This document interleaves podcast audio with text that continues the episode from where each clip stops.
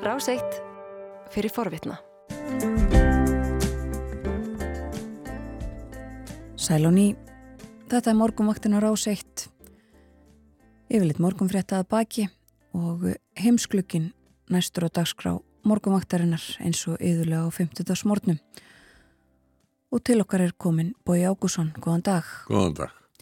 Við ætlum að tala um portugalsk stjórnmál hér á eftir en við ætlum að byrja í Breitlandi. Við höfum nú svo sem minnst á það hér í þættinum síðustu daga þessar já, óvæntu vendingar sem að urðu þar. Eh, David Cameron komin inn í ríkistjórnina og það er, eh, voru óvæntu tíðindin. Það var ekki sérstaklega óvænt að, að Súela Bravermann er því látin fara úr ríkistjórninni eh, en Já, það gengur á ýmsu. Mm -hmm. Og því byrjar á því að minnast á það að það hafi verið óvænt að eh, David Cameron hafi komið inn í þetta. Sko, hann mikið spenna í breskum miðlum á mándaginn þegar að það var ljóst að eh, Rishi Sunak væri að láta Súelu bráðumann fjúka og þótt fyrr hefði verið, segja hann um margin, að eh, sjá hverjir kæmu inn í, í hvaða ráþeira ennbætt og hversu viðtæk þessi ráþeira skipti yrðu. Og þetta voru mjög þetta voru það sem ég kalla hérna stór stólaskipti eins og við nefnaði Breitlandi þess, og það, það er sko það talaður um ef það eru einhverjir eh, af þessum veigamestu ráþeirum sem eru utanríkis ráþeira, fjármála ráþeira innaríkis ráþeira það var mikil spenna að sjá þegar að eh, hverjið það væru sem að, sem að kæmu. Og á Sky sjónvarsvættastöðinni það sem að Kay Burley eh, sem nú mjög þekkt þrettakona í Breitlandi er með eh, morgun þátt að þá var hún ásamt öðru líði að þeir voru bara að fylgjast með beitni útsendingu úr dáningsstræti og þar kemur að bíl og, og þau og hver ætli kominu út núna og svo skulum bara hlusta á viðbröðin þegar þau sjá hver það er sem kemur úr bílnum Security detail just opening the door for David, David Cameron. Cameron? Wait. I was not expecting that. Okay. David Cameron, hann bjóst enginn við því Nei. og svo bara hleyið svona hálf fýblalegum hlátri og þarna er þetta alveg ljóst að uh, þetta kom öllum óvart. Samt sem áður virðist nú hafa verið að, að þetta hafi nokkið verið ákveðið alveg um helgina.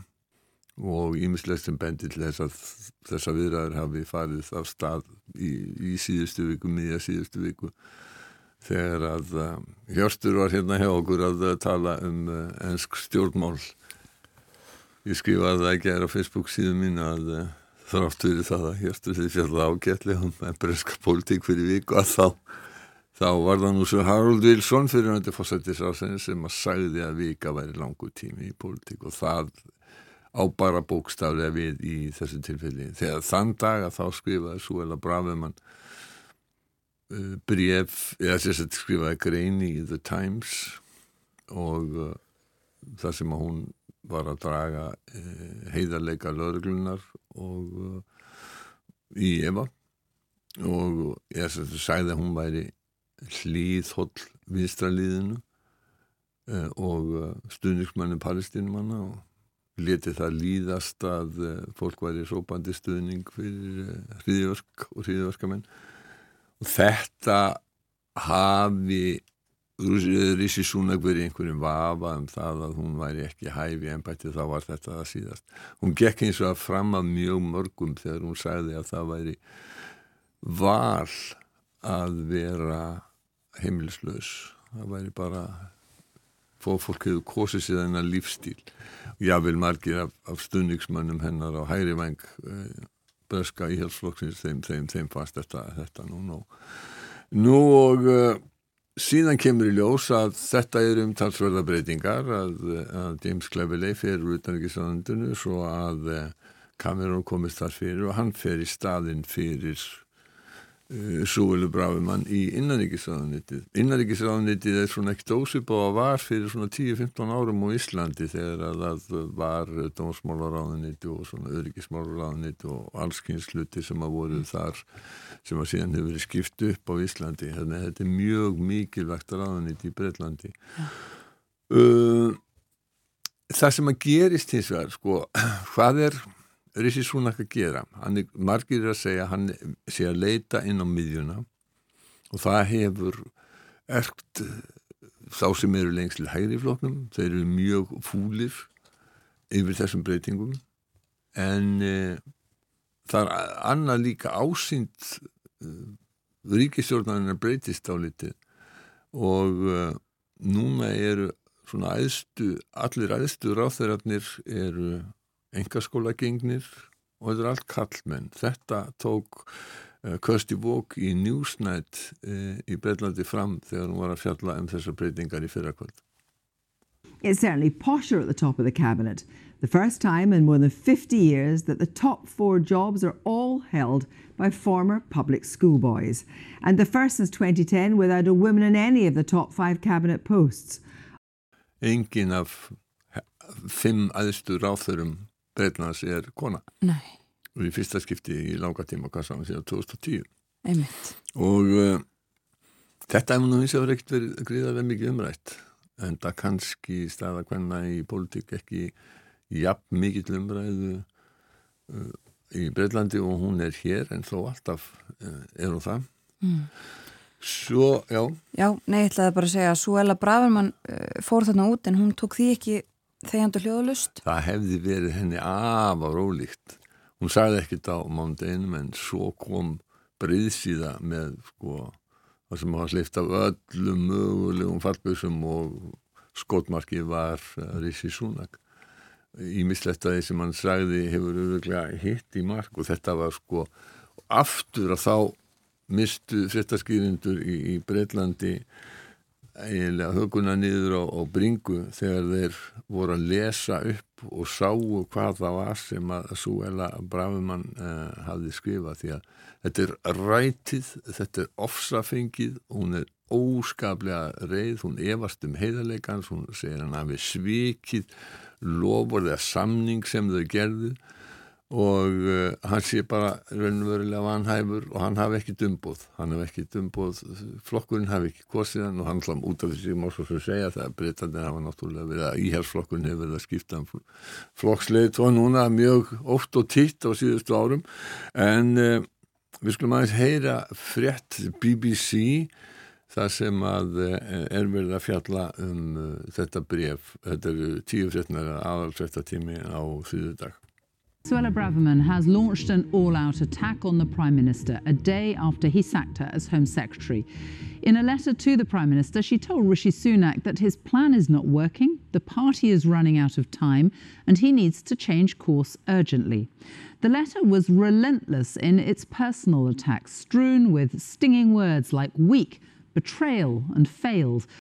Þetta Þetta vakti gríðarlega miklu aðtíkli. Já, var á fórsum allra blada held í næstu því í gær. Já, í öllum, öllum í öllum fréttatímanum. En svo var skiptum aðalefni í fréttatímanum í gær þegar að hæstir eittu Byrjlands hvað upp þann úrskurð að uh, eitt af svona helstu stefnumálum uh, Breska Íhalsflokksins uh, að flytja hælisleitendur, ólöglega innflytjendur eins og þeir kallaða fólk sem að kemur yfir ermarsundið á, á, á, á litlum skektum og bátum að, að flytja til Rwanda í miðri Afríku og þar ætti fólki að býða meðan fjallað væri um beðinni þeirra um, um hæli Það var sko flugvel í, í fyrra sem að bara beigð á, sem að var bara að fara að leggja á stað eh, með hælisleititur þegar að eh, mannhildadómstól Evropu stoppaði það. Já. Síðan fór þetta fyrir breskadómstóla sem að sögðu að þetta væri ekki í samræmi við bresk lög vegna að það væri ekki tryggt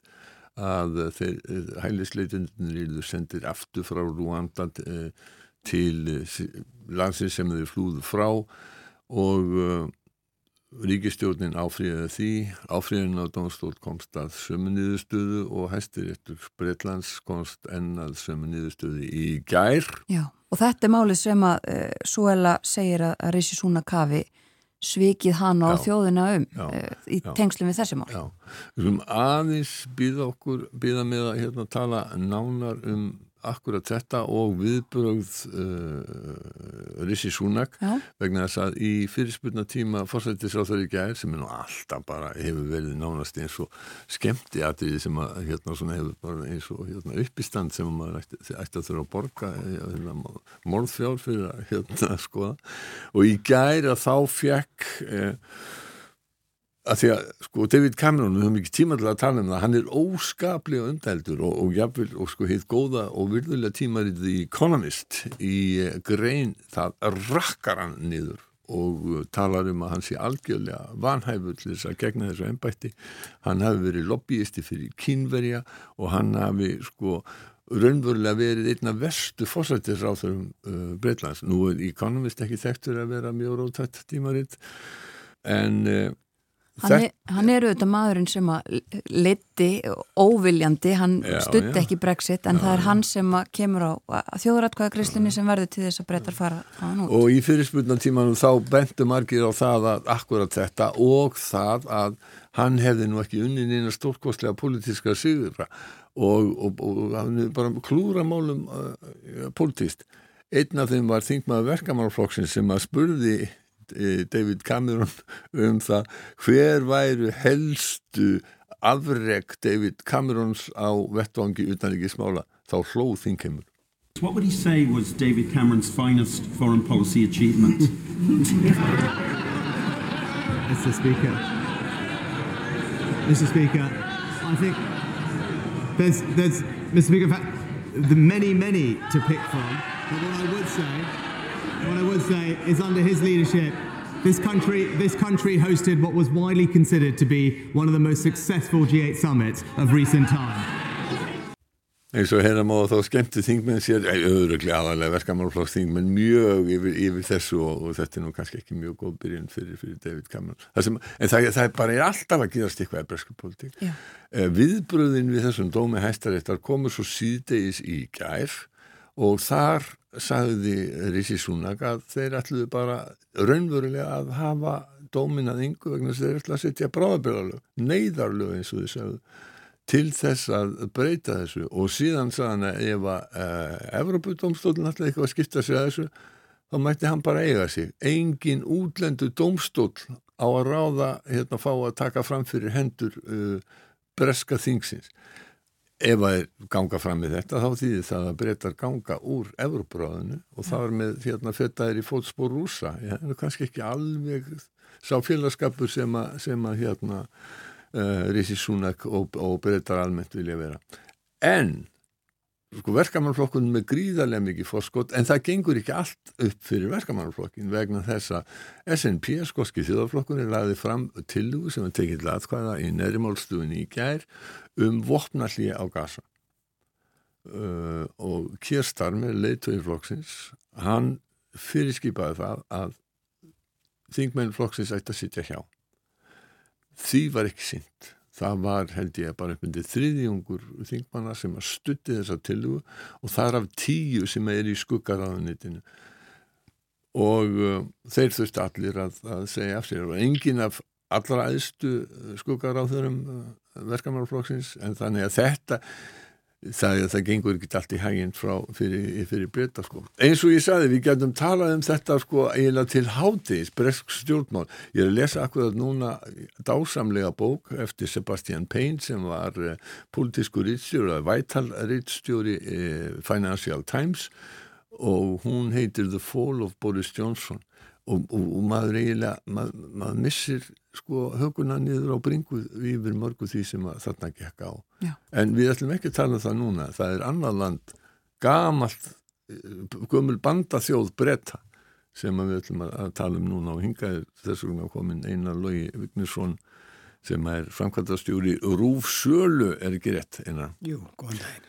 Eh, og þú býrða hluta til í Portugal og hefur náinn tengsl og þekkir gríðarlega vel til og þekkir meðal annars ráþöra og, og hérna, hvað veit ég? Já, já, það er svona, svona eins og sömur tilvílanir í, í, í lífinu en hafi vikan verið lungi Breitlandi þá hefur hún verið í það minnst að jafnlungi Portugal Antonio Costa sagði af sér í síðustu viku það, það kom öllum gríðarlega óvart það er innan við tvö á síðan að hann og sósélistaflokkurina sem er raunar jafnamannaflokkur frekar heldur en heit sósélistaflokkur eh, vann mjög góðan og óvæntan kostningarsíður en hvað kom upp á núna? Það hefur verið óskaplu vandraðagangur á Kosta eftir að hann vann sinn stæsta sigur á sínum glæsta pólitiska ferli. Í, í, í vormunu Portugalir fagna 50 ára ammali neðleikubildingarinnar. Kosta er nú sá fórsættisátra sem næst lengst hefur setið. Og ef hann hefði klárað kjörtíðanbilið hefði hann setið allra hana lengst. Og margir töldu að næsta skrefir þann er þið fórseti 2026 og þá hefði hann staðið upp sem, uppi sem konungur portugalskra stjórnmála. Síðan, Já, hann var borgarstjóri, hann var borgarstjóri í Lissabon áður en hann var fórsetisafður 2015. Já, Kosta er, er uh, mikil sigurvegar í stjórnmálum. Hann hefur verið samfelt ráþera, borgarstjóri eða fórsetisafþera í aldar fjörðung nánast og hann hefur aldrei tapað kostningu sem leiðtöi. Hann vann í þrýgági í Lissabon og nú og hann hefur unnið þrennar þingkostningar í röð og gert það sem engum fósittisáður hefur áður tekist að bæta við sig atkvæðamagn í hvert sinn og nú síðast uh, hlaut hann ríflega 41% atkvæða. Það sem að það, það eru ákveðin svona líkindi með vandraganginum á í Portugal og Englandi en sá reygin munur er að stjórnskipun Portugals er ólík inn í bresku. Mm. Þeir eru náttúrulega með fósetta, ekki konung. Það eru meirinn hundra ára síðan þeir aflöðu konungin og, og fósettin hefur um talsverðu völd. Hann hefur vald til þess að rjúfa þing og fósettar í Portugal hafa beitt þessu valdi í þrýgang síðustu ára tíuna og það eru alltaf verið þannig eins og núna að það er hægri fósetti sem fellir vinstri stjórn og fyrir 20 árum var það vinstri fósetti sem feldi hægri stjórn og núverandi fórseti Marcelo Rebelo de Sosa sem er alltaf kallað Marcelo meðan að Antonio Costa er kallað Costa, þetta er svona sem með fótbolltamennina það er mjög sent hvaða nöfnir hérna eftir á bakkina um skýrðanöfni eða fjölskyldunöfni og Marcelo var búin að, að gefa þú útgagvart Costa að ef að þessum vandraði gangi myndi ekki ljúka að þá myndi hann grípa inn í það eru hátt í tólf ráþerar og undirráþerar sem að þurft að segja af sér vegna ímissa vandraðamála tvöðar að hafa tengst portugalska ríkisflugfélaginu TAP sem að þurft, þurft að þjóðnýta í COVID og starfsloka greiðslu til fórstjóra og þar þurfti Petru Núnu Santos sem var innviðar á þeirra að segja af sér og, og þá tók við Sjóka Lamba sem að var líka knúin til afsagnar eftir að eftir að Kosta hafi reynda þráast við í marga mánu að láta hann fara. Og það er mjög nötulegt fyrir Kosta að, að þessi galamba er annar að teimur uh, aðalmönnunum í þessu neykslismáli sem kom upp í, í síðustu viku ásamt starfsmannastjóra Kosta og vini til áratöga þannig að þetta eru svona bara hans nánustu bandamenn og vini sem er að, er að breyðast um. Og hvað er það sem að kemur upp? Það finnast peningar stórfjö í, í reyðufjö og löggan ræðist inn til uh, gerir húsrannsókn á, á, á skristu og fórsættisáður. Þessi, þessi mál eiga, eiga, rót sína í því að, að, að Portugalir fengu eins og öll Európu lönd innan Európusambandsins geysir mikla fjármunni frá Európusambandinu eftir COVID til að endur þess að efnaðskerfið. Og, og þeir kalla þetta basúka peningana sem er svona dreytað yfir allt mm -hmm. og þeir ákveða að setja nán, megni að þessu í græna orku vegna þess að orkuverði í Portugal er óskaplega hátt og það var, raforkukerfi var engavætt af hægri munum og svo aðgerð þótti mjög missefnuð, þeir seti uppi með tæstar af orkuverði í Európu og þeir fóru í, uh, voru að undirbúa reysa framkvæmdir við að byggja geysilega stóra vettnisvesmiðu uh, í Hafnaborg sem heitir Sines og er miða við á milli Algarve og Lissabon og sólarorku verið jafnframt og líþjumnámur í norðu Portugal til þess að búa til e, e, e, rafluður fyrir rámaspila. Mm -hmm.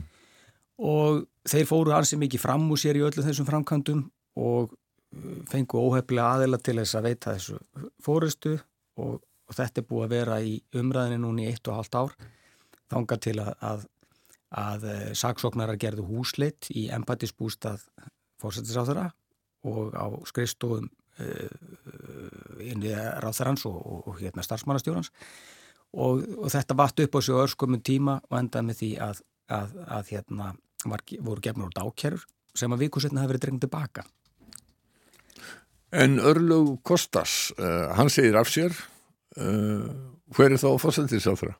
Já, það er nú að skrítni í þessu að Marcelo fórseti átti nokkra kosti. Mm. Hann hefði getað látið sósélista eins og hefði kannski tíðkast í flestum öðrum Európaríkjum að halda áfram með sinn trösta meirluta og skipta bara um fórsettisræðara. En Marcelo taldi að, að kostningasigurinn væri svo nátengtur personukosta að e, það er það að spyrja þjóðina aftur. Sérstaklega nefnum til kostninga? Já, en ekki strax. Hann vildi að fjárlegur afgreitt fyrst og hann hafnaði afsum kosta og sagði að kosta skildi sitja til 10. mars þegar næstu kostningar færu fram og það er nú, verður nú að segjast eins og er að það er ákveðin tröst yfirlýsing við kosta og, og í þessari miklu hadrömu umræðu sem hefur geysað núna síðustu viku þá var mjög fáir stígi fram og ásaka að kosta um eitthvað misjant menn nema bonda domgreind að velja sér Já. þessa vini og halda hlífiskildi yfir henn en það, það, er engi, það er mjög fáir sem að trúa því að kosta e, sé með eitthvað misjamt á sam, samviskunni hafi þegi mútur eitthvað þess eftir. Þó að fólki í kringum hann eh, hafi gert það þá, þá sé hann heðalegur. Já, en, en svo náttúrulega er það bara þannig að, að, að viðbröðin af því að það hefur komið í ljós að það hefur ekki reynst jafn mikil innistæða fyrir þessum alveglu ásökunum eins og áður var talið. Að þá snýst þetta bara í samúðar bylgi og nokkrum dögum og, og það er, er gjörsamlega ómulegt að segja hvor, hvor, hvor blokkin mun, mm. mun standa uppi sem sigurvegar eftir þess orðarrið. Eh, nú sá ég samt í, í blöðum, eh, sá ég Politico að eh, stuðningurinn við Sjósleistaflokk Kostas, hann hefur fallið mjög frá því í kostningunum í janúar 2022. Hann hefur gert það, en þeir eru nokkur inn á sama stað núna eins og þeir voru fyrir síðustu kostningar. Já og, og það sem verra er fyrir hægri blokkina og fyrir þá sem vilja jafna í portugalsku stjórnmálum að þá er, hefur PSD sterkasti hægri blokkurinn uh, fallið líka þannig að, að nýðustan er bara gríðarlega dreifing á atkvæðamagnu og öfgaflokkar til hægri og vinstri hagnast mest á þessu ástandi. Þannig að það er ekkit augljóst hvað tekur við í portugalsku stjórnmálum nema það að kosta sýtur fram til 10. mars? það er gjörsamlega ómöld að segja í hvað átt þetta fer eh, en því miður verður að þess að þetta er mikið áfall fyrir Portugal Já. og það er ákveðin hætt á, á og alveg ljósta verður mun veikari stjórn og, og álitslekkir nekkir auðvitað fyrir landið sem hefur hreikt sér að því að vera mun minna spilt heldur en ágrannlöndin Spátn og Ítalja. Já, einmitt.